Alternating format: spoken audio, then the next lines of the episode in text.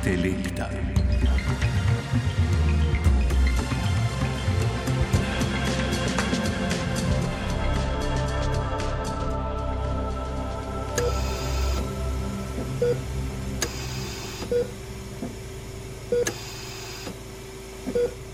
Zdravljenje najtežjih bolnikov s COVID-om ni nikoli predvidljivo, je med snemanjem za tokratno intelekto poudaril eden od sogovornikov.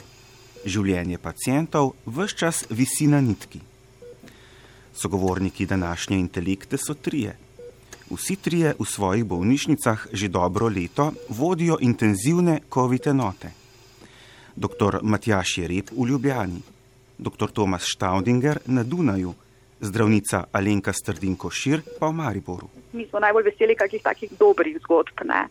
Zdaj, zdravljenje COVID bolnikov v intenzivi je zelo dolgotrajno. Bilo večina bolnikov, mislim, sedem dni je skoraj minimum, kar so preživeli v intenzivi. Nekateri so preživeli tudi več tednov v intenzivi. Ne. In nekateri so bili, najvčasih so se razvile tudi bakterije, odporne že na vse antibiotike, ko smo že zgubljali upanje, pa se vseeno nekako nismo predali. No.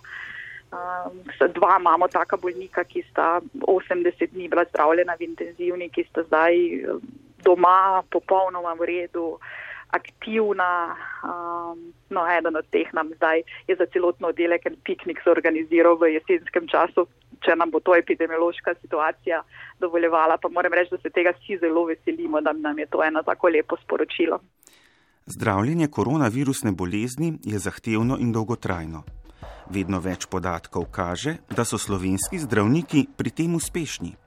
Podrobneje v nadaljevanju, poslušanju vas vabim isto konc.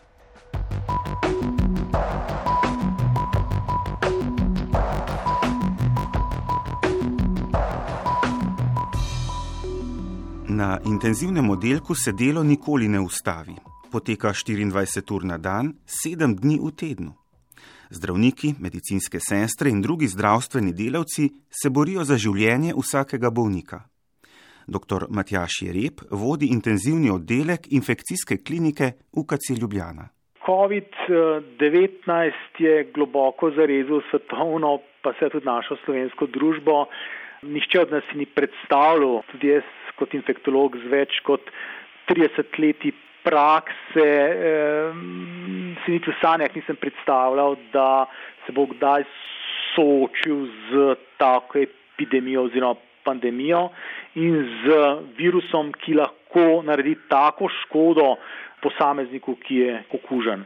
Tu gre seveda za neposredno škodo zaradi same bolezni, pa za vso to posredno škodo, um, ki jo utrpe svojci bolnikov, ki so umrli uh, in ne nazadnje za vso to družbeno socialno škodo, ki jo mi kot družba uh, doživljamo na eni strani zaradi epidemije, na drugi strani pa zaradi vseh teh ukrepov, ki pa so bili po mojem mnenju nujno potrebni in bi bila škoda, ukolikor ne bi bili ukrepi sprejeti, implementirani še pomembno višja.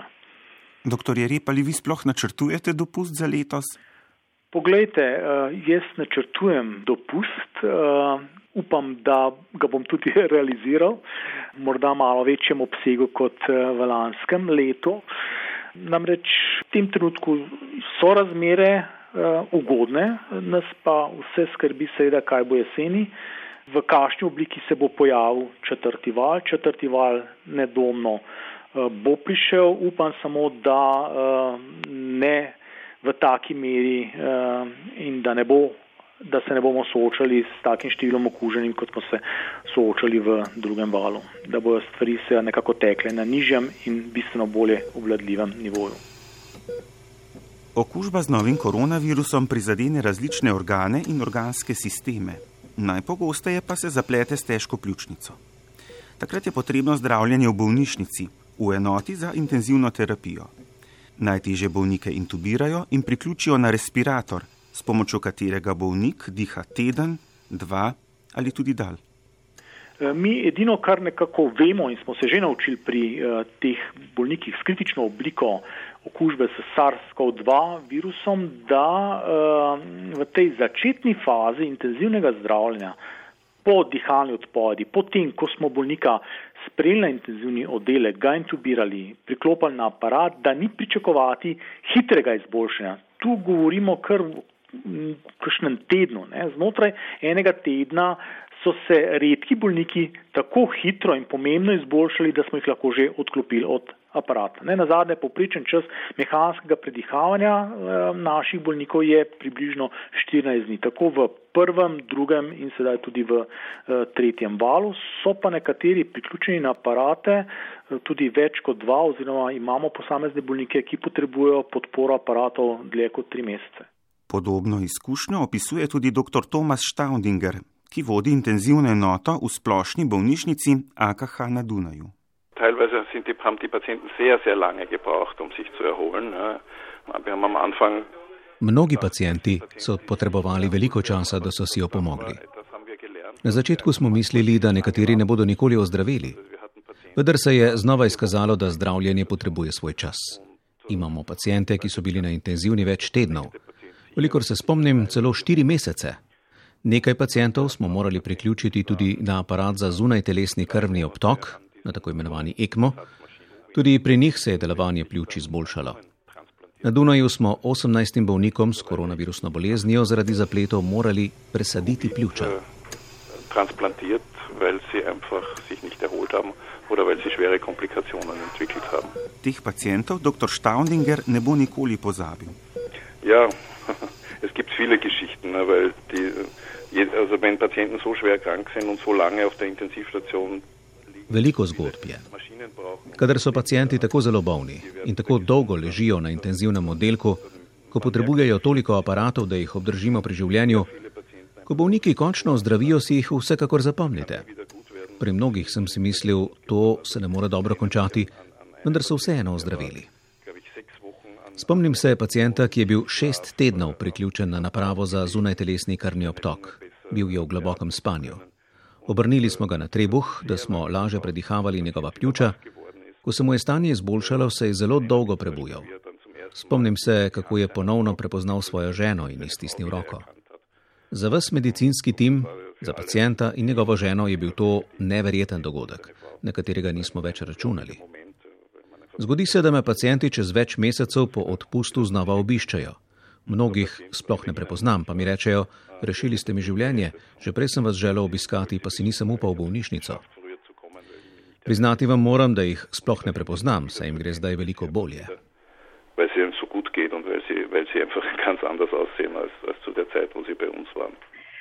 Ja, zdaj primerov je kar nekaj. Ne. Jaz bi mogoče več stvari. Ne.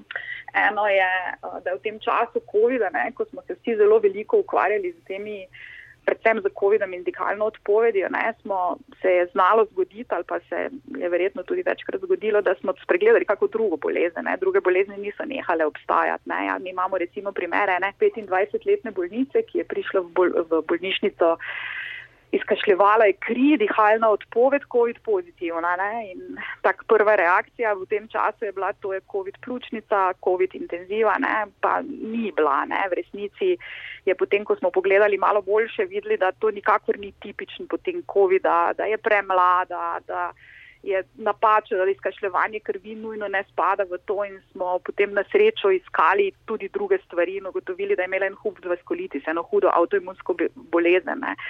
Ampak ta bolnica bi uh, zaradi te bolezni zlahka umrla, če bi mi rekli. Če bi, tako kot je na prvo žogo bilo, rekli, to je COVID pljučnica in jo zdravili na ta način. Ne. Tako da to je bila kar nevarnost v teh časih, da nismo videli nič drugega kot COVID. Ne. Doktorica Alenka Strdinko Šir vodi COVID intenzivno terapijo v UKC Maribor. Opozarja, da je lahko zdravljenje koronavirusne bolezni zelo agresivno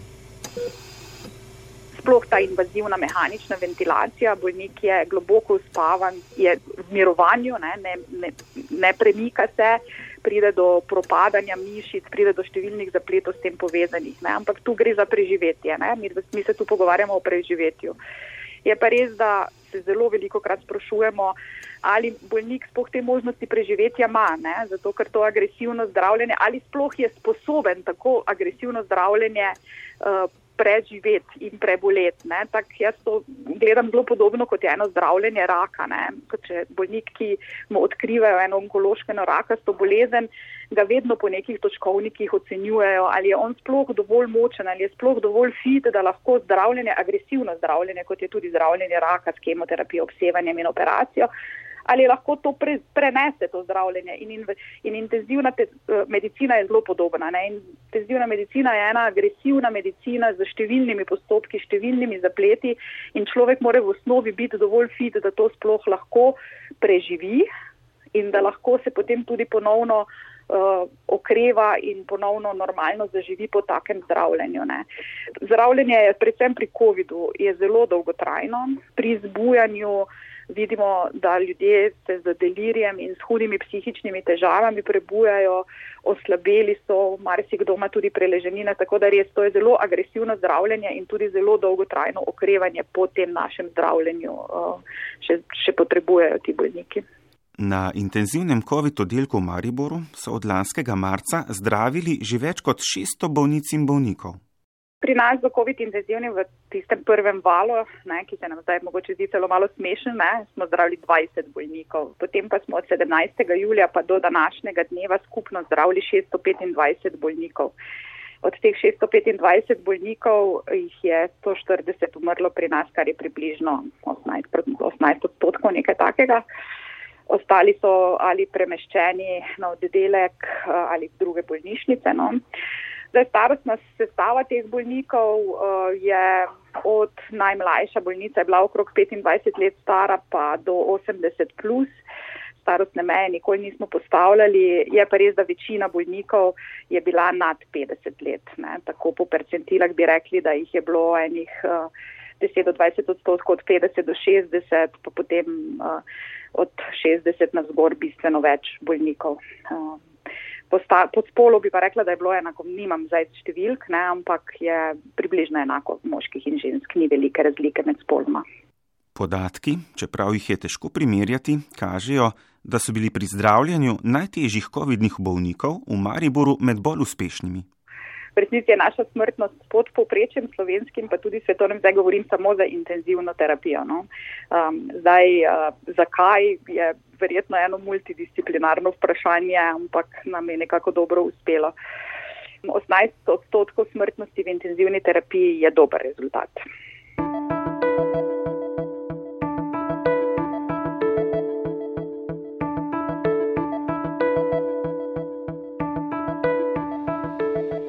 Zdravila za COVID ni. Kaj pa tista zdravila, o katerih teče razprava še zlasti na družbenih omrežjih? Naprimer klorokin, ki je sicer zdravilo proti malariji, remdesivir, ki deluje proti eboli, ne na zadnje ivermektin, s katerim zdravimo parazitske okužbe. Kako učinkovita so ta zdravila za zdravljenje zapletenega COVID-a? Enako vprašanje sem zastavil vsem trem sogovornikom. Kakšne so njihove izkušnje kaj pravijo študije. Prvi odgovarja dr. Rep. Potrjujem, da nekega zelo učinkovitega protivirusnega zdravila za zdravljenje bolnikov s COVID-19, predvsem pa za zdravljenje kritično bolnih, eh, žal nimamo. Na tem področju tečejo številne raziskave z nekaterimi zdravili, da ne rečem pristopi, sicer mi lahko vplivamo na potek bolezni, ne pa ključno. Pri COVID bolnikih, sploh pri kritično bolnih, je seveda vsaj tako, če ne pomembnejša, ustrezna podporna eh, terapija, sledenje bolniku, eh, spremljanje možnih zapletov in pa obvladovanje teh eh, zapletov. Kljub temu smo v tem letu pridobili kar nekaj izkušenj in znanja. Tudi ta naš pristop k zdravljenju najtežjih bolnikov s COVID-19 eh, se je spreminjal glede pač na objavljene raziskave, ki jih tekoče spremljamo. Bolnike danes zdravimo še vedno z remdesivirjem, ukolikor uh, uh, pridejo v bolnišnico in na intenzivni oddelek znotraj sedmih oziroma desetih eh, dni po začetku bolezni. Dajemo jim potem na novo tocilizumab, to je zdravilo, monoklonsko protitelo, s katerim delujemo na eh, celični receptor eh, in s tem zmanjšamo odziv vnetja pri bolniku, ki je škodljiv. Dajemo jim tudi glukokortikoide, s katerimi podobno vplivamo na vnetni odziv bolnika. Namreč prišli smo do jasnega spoznanja, da je ta uh, škoda, ki jo bolnik utrpi v tej imunski fazi, lahko velika, nepopravljiva in da s tem pristopom, pristopom lahko pomembno vplivamo na boljši izhod in to potrjujejo tudi, tudi um, objave in pa raziskave. Mi smo v prvem valu uporabljali tudi neka druga zdravila, kot so hidroksiklorokin, to je zdravilo za malarijo in pa lopinavir z ritonavirjem, to je zdravilo, ki ga uporabljamo za zdravljenje okuž z virusom eh, HIV vendar so kasneje te raziskave pokazale, da eh, ni neke pomembne koristi od teh zdravil in smo jih potem v nadaljevanju umaknili z naših eh, priporočil. Morda bi tu povdaril še nekaj, ne uporabljamo tudi ivermektina, o katerem je morda nekoliko več govora v zadnje pol leta. Nimamo dobrih raziskav, ki bi podprle to vrstno zdravljenje in ne nazadnje jo izven kliničnih raziskav odsvetujejo tudi Evropska agencija, Ameriška agencija za zdravila, kot sam proizvajalec in pa Ameriški nacionalni inštitut za, za uh, zdravje. Tudi kar se ostalega podpornega zdravljenja tiče um, z zdravili, kar se omenja med lajki in v družbi, kot so različni vitamini, cinkovi preparati in podobno. Trenutno ni dovolj dokazov, da bi svetovali, svetovali zdravljenje s temi preparati. Dr. Staudinger. Ja, das ist eine gute Frage, weil es gibt ja so viele Medikamente, die man ausprobiert hat. Es gibt so viele Medikamente, wo man am Anfang gedacht hat, man muss jetzt unbedingt irgendetwas anderes tun. Gegen, gegen to je dobro vprašanje. Preizkusili smo že zelo veliko zdravil, saj smo nekaj morali storiti, vendar vam moram priznati, da se v večini primerov ni obneslo. Še vedno ni zdravila, za katerega bi lahko rekli, da takoj izboljša zdravstveno stanje pacijentov s koronavirusno boleznijo. Še največ dokazov je o delovanju deksametazona ali kortizona. Okužba z novim koronavirusom namreč povzroči hudo vnetno reakcijo, ki jo z omenjenima zdraviloma lahko umirimo. V okviru utečene terapije smo se odločili za zdravljenje z deksametazonom, ob tem pa je treba presoditi, kaj pacijent še potrebuje. Če je prisotna bakterijska okužba, mu damo antibiotike. Ob pretirani reakciji imunskega sistema, ki jo zaznamo v pregledu krvi, lahko pomagajo tudi proti telesa v obliki zdravila tocilimzumab. Sam sem glede njega nekoliko skeptičen, se ga ne morete predpisati vsakemu pacijentu in pričakovati, da se bo stanje tako izboljšalo. V tem trenutku je pri intenzivnem zdravljenju edino zares dokazano, da pomagata deksametazon in rečenje krvi. Večino zdravil, ki se jih preučuje, bi pacijenti morali prejeti veliko prej, preden zbolijo za težko obliko koronavirusne bolezni. Ko enkrat že ležijo na intenzivnem oddelku in jih moramo umetno predihavati, ni veliko možnosti za vzročno zdravljenje. Pacijente moramo stabilizirati, da kritično fazo prestanejo. To je odločilno. Was man tun kann, ist, man muss den Patienten stabilisieren und muss versuchen, über diese kritische Zeit drüber zu kommen. Ich glaube, das ist das Entscheidende. Doktorica Strdin Košir. Edino zdravilo, ki se je resnično pokazalo kot učinkovito, so steroidi. Ne. Vse ostalo so bile poskusi, ki se tekom časa, tekom teh mesecev na koncu ni izkazalo, da imajo nek pomemben vpliv na preživetje. Uh, mi smo poskušali na začetku klorokin, uh, pa smo ga hitro opustili. Potem smo z remdesivirjem začeli zdraviti že v prvem valu in potem tudi drugem, ampak tudi moram reči, da za remdesivir zelo prepričljivih podatkov, da, da to kakorkoli vpliva na preživetje ali tudi na težji potek ni, ne, sploh pa ne več v intenzivni terapiji. Ne. V intenzivno terapijo bolniki ne pridajo prve dni bolezni, ampak šele tam sedmi do deseti, tudi do štirinajsti dan bolezni. Ne. Je pa res, da so pa steroidi pa so spremenili teh bolezni. To smo mi že sami opažali, mi smo že takoj v drugem valu, oziroma že julija, se odločili, da bomo začeli dajati kortikosteroide, deksametazon. Tudi kasneje ali pa ravno v tistem času so začele prihajati študije, ki so potrjevale, Eh, da je učinkovito. Mi smo se potem tudi jeseni odločili, pa spisali naš lokalni protokol, kjer smo tudi višje odmerke steroidov dajali. Tudi to nekako zdaj se študije počasi pojavljajo, ki kažejo na boljše preživetje z višjimi odmerki steroidov in to je pa po moje eh, najpomembnejši korak, ki smo ga naredili. No, ti steroide, vse ostalo v resnici nima prepričljivih uh, dokazov, da bi kakorkoli spremenilo preživetje. Zakaj po vašem mnenju prav steroidi pomagajo? COVID je v resnici bolezen, ko gre za zelo hud imunski odziv na virusno okužbo.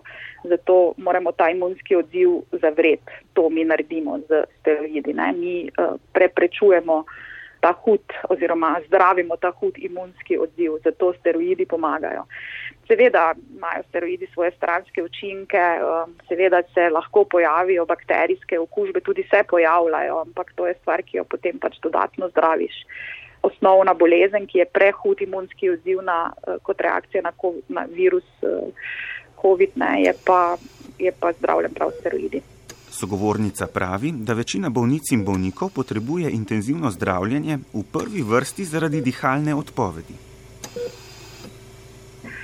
Kar se pa tiče priključenja ventilatorja, pa tako nekako postopek oziroma naučili smo se, da ko bolnik potrebuje visoke odstotke kisika, pa ob tem vseeno v kri ne pride dovolj eh, kisika, ne, ne more več pljuča, ne zmorejo več oksigenirati oziroma preskrbljati s kisikom celotno telo takrat potem bolnike premestimo v intenzivno in pač tukaj pri nas v naši uh, COVID intenzivni v Mariboru smo se odločili, da pravzaprav skoraj vsem bolnikom damo možnost tudi neinvazivne ventilacije. Zdaj mnenje o tem so kar precej deljena po svetu, tudi v Sloveniji moram reči, ampak mi smo se odločili, da poskusimo in smo tudi kar dobro uspeli. Ne? Tako da neinvazivna ventilacija pomeni, da bolnika ne rabimo uspavati, mu ne damo, ga ne intubiramo, torej mu ne damo celko skozi glasilke, pač pa ga predihavamo preko obrazne maske, ki, te, ki, ki močno tesni na obrazu in aparat mu pomaga z tlakom in s temi tlaki v dihalih, to kar pač rabi, ne, da, ne, da se ne bom spuščala zdaj v podrobnosti.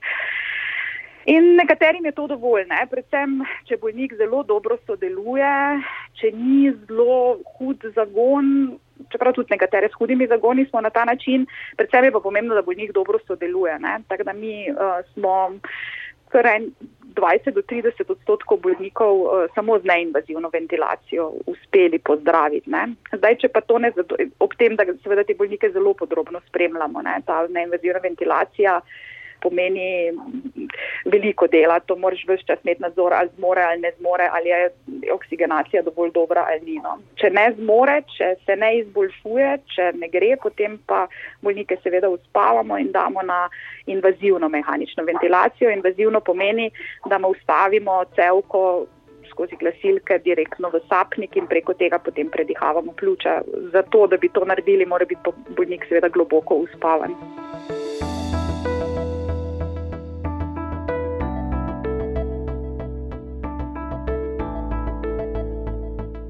Dr. Matjaš Jereb, dr. Tomas Staudinger in zdravnica Alenka Strdin Košir so sogovorniki tokratne intelekte, ki v Ljubljani, na Dunaju in v Mariboru vodijo intenzivne oddelke za zdravljenje najtežjih bolnikov s COVID-om. Kako pa se obnese zdravljenje s plazmo prebolevnikov, dr. Jereb? Kar se tiče plazme prebolevnikov, eh, tudi mi občasno damo plazmo prebolevnikov eh, bolnikom eh, s COVID-om, s tem, da prav dobrih dokazov, da bi pri kritično bolnih kakorkoli vplivali na potek in izboljšali prognozo teh bolnikov, žal nijamo. Nekako stojimo na stališču in tudi v praksi ravnamo tako, da plazmo prebolevnikov dajemo bolnikom, ki so imunokompromitirani, ki imajo oslabljen imunski odziv, eh, ki imajo slab odgovor, slabo obrambo na eh, okužbo. To so ti bolniki, ki sem jih na začetku že omenil. Tudi pri cepljenih posameznih, ki imajo okvarjeno imunost, so določene težave, ker ti posamezniki ne um, stvorijo ustreznega odziva na cepivo in so kljub cepljenju lahko še vedno, še vedno ogroženi uh, v tem smislu, da pri njih prije do okužbe in da okužba lahko poteka s težjo klinično sliko. Se pravi, tudi pri teh bi se, bi se odločali za, za uh, če bi bili cepljeni, eventualno bi se odločali za uh, plazmo prebolevnikov. Tudi eh, eden od kriterijev, da se odločimo za to vrsten pristop in to zdravilo je, da posameznik, ki mu damo to plazmo, nima lasnih protitelese. Pravi, pridno damo plazmo, preverimo njegov imunski status oziroma serološki profil, da tako rečem, ali ima protitelese ali jih nima. In šele, če jih nima, dobi plazmo, kolikor ustreza tudi ostalim kriterijem. Sogovornik opozarja, da se zdravljenje najtežjih bolnikov s COVID-om lahko tudi tragično konča vsaka smrt je na nek način preveč. No? Zdaj, če gre čisto k, k konkretnim številkam, na intenzivnem oddelku ali pa na intenzivnih oddelkih, imeli smo namreč več lokacij, na katerih smo zdravili kritično bolne COVID bolnike, smo mi od eh, marca, 10. marca 2020, ko je bil spred prvi bolnik na naš intenzivni oddelek, pa do danes zdravili 614 bolnikov. Od teh jih je umrlo 154, kar je 25 odstotkov vseh. Ta številka ni nizka, vendar če jo primerjamo s podatki iz tujine, tudi daleč od tega, da je bila eh, visoka, je primerljiva z eh, razvitimi centri v Evropi oziroma zahodnim svetom. Na drugi strani, če zgodbo obrnem, ne, smo imeli seveda tekom zadnjega leta tudi številne uspešne zgodbe. Namreč nam je, kot sem povedal, umrlo 25 odstotkov bolnikov, 75 odstotkov bolnikov je pa preživelo, 75 odstotkov teh, ki so bili zaradi dihalne odpovedi sprejeti na intenzivno delek, je preživelo, bi pa tudi ti brez naše oskrbe uh, umrli. Uh, soočamo se, bi rekel, z dvema platema uh, te zgodbe upam, da uh, v nadaljevanju da bo čim več uspešnih in pa malo teh, bi rekel, katastrofalnih zgodb.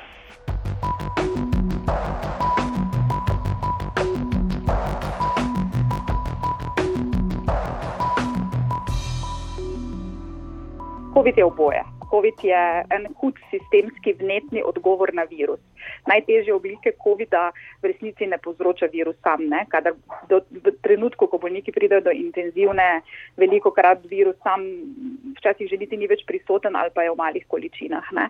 Problem je imunski odziv in ta imunski odziv uh, gre, v, gre v večjih organih. Naj, najbolj pogosto in najbolj prizadeta so pljuča, pride do enega hudega vnetja, pljučni mešički se izpolnijo s tekočino, vnetnimi celicami, tako po enem tipičnem vzorcu, ki smo se ga zdaj naučili, predvsem uh, bolj obrobne periferne dele pljuč prizadene, ampak hkrati pa to vnetni odziv vpliva tudi na žile. Ne? Vnetje namnožijo se vnetne celice in ti medijatori tudi v žilah začnejo se strtki delati v žilah, žilna stena je prizadeta in to, ne, in to spet najbolj izrazito v pljučih, ampak tudi kjerkoli druge v telesu. Imeli smo tudi uh, bolnike, ki so imeli slike uh, hudih tromboz v trebuhu, akutnega abdomna, tudi umirali so zaradi tega. Imeli smo tromboze tudi v možganjih. Tako da COVID je pravzaprav bolezen vsega, oziroma COVID sproži en hud imunski sistem, ki na to prizadene tako pljuča kot tudi krvni obtok. Naja, es ist, es ist beides, ja, aber, aber die Lunge ist sicher das, das Organ, das am stärksten betroffen ist. Koronavirusna bolezen je oboje, vendar so pljuča prav gotovo najbolj prizadet organ. Obravnavali smo skoraj samo pacijente s težko odpovedjo pljuč. Seveda povzroči tudi unetje žil in prispeva k razvoju strtkov v žilah, vendar koronavirusno bolezen vedno spremlja vnetje pljuč.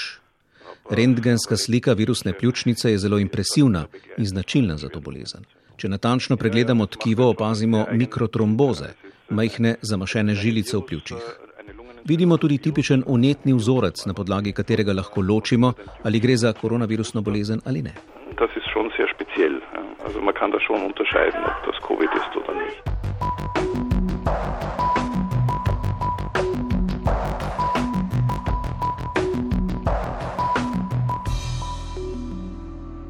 28 Jahren in der Intensivmedizin, aber so etwas habe ich garantiert noch nie gesehen. Also so ein, so eine, eine riesige. V intenzivni medicini sem že 28 let, vendar kaj takšnega, kot je koronavirus, nisem videl.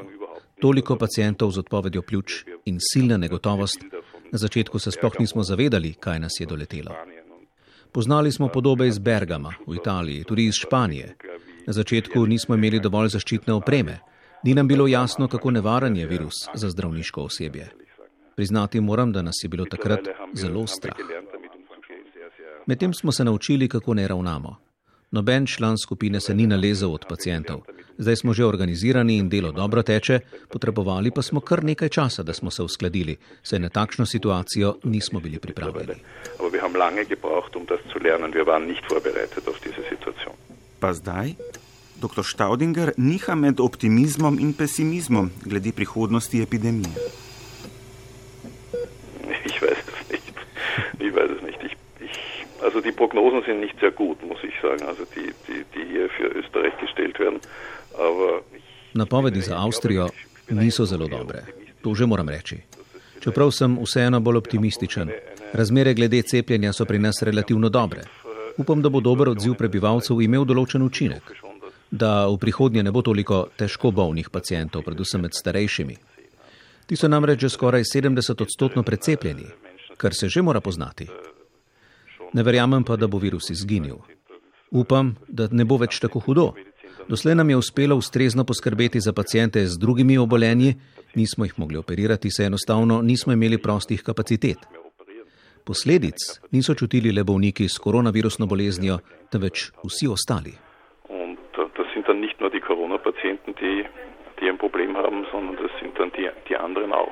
Zdravnica Alenka Strdin-Košir. Ja, gledajte, zdaj delo je tako. Ne. Morate vedeti, da v UKC Maribor smo imeli pred COVID epidemijo smo imeli 12 internističnih pa 15 kirurških intenzivnih postelj, torej 27 postelj, ne.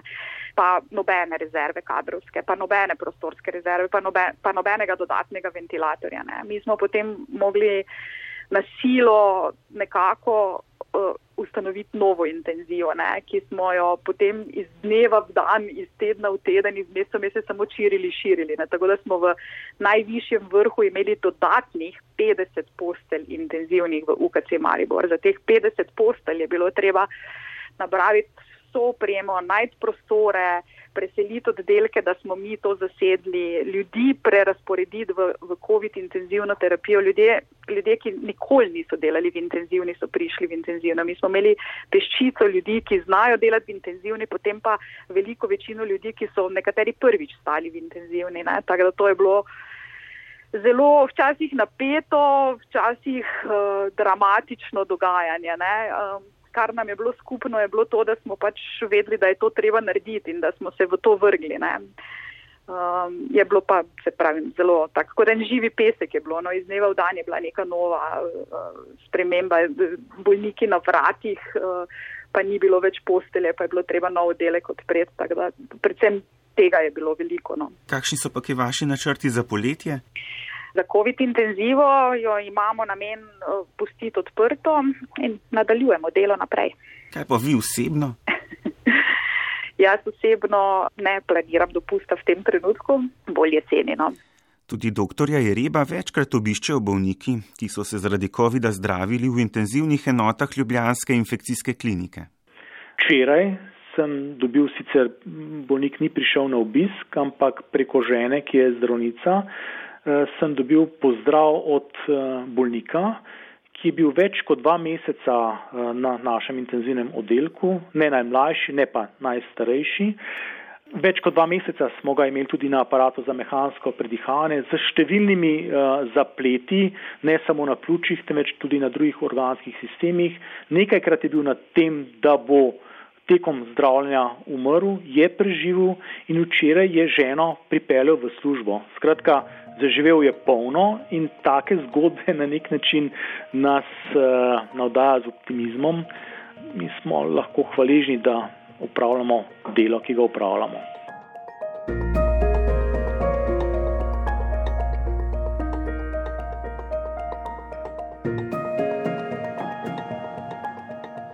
Podatkih Nacionalnega inštituta za javno zdravje in COVID-19 sledilnika smo v Sloveniji zabeležili približno 257 tisoč primerov okužb z novim koronavirusom. Zdravljenje v bolnišnici je od marca 2020 do danes potrebovalo že več kot 18 tisoč pacijentk in pacijentov, med njimi 2600 na intenzivnih oddelkih. Skoraj 1500 naših bližnjih naših prijateljev, znancev, kolegov je bilo med epidemijo že priklopljenih na respirator.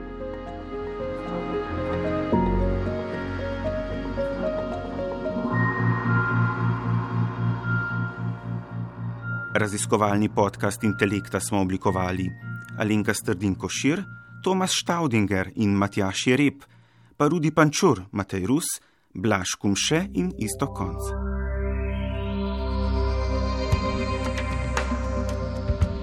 Intelekta.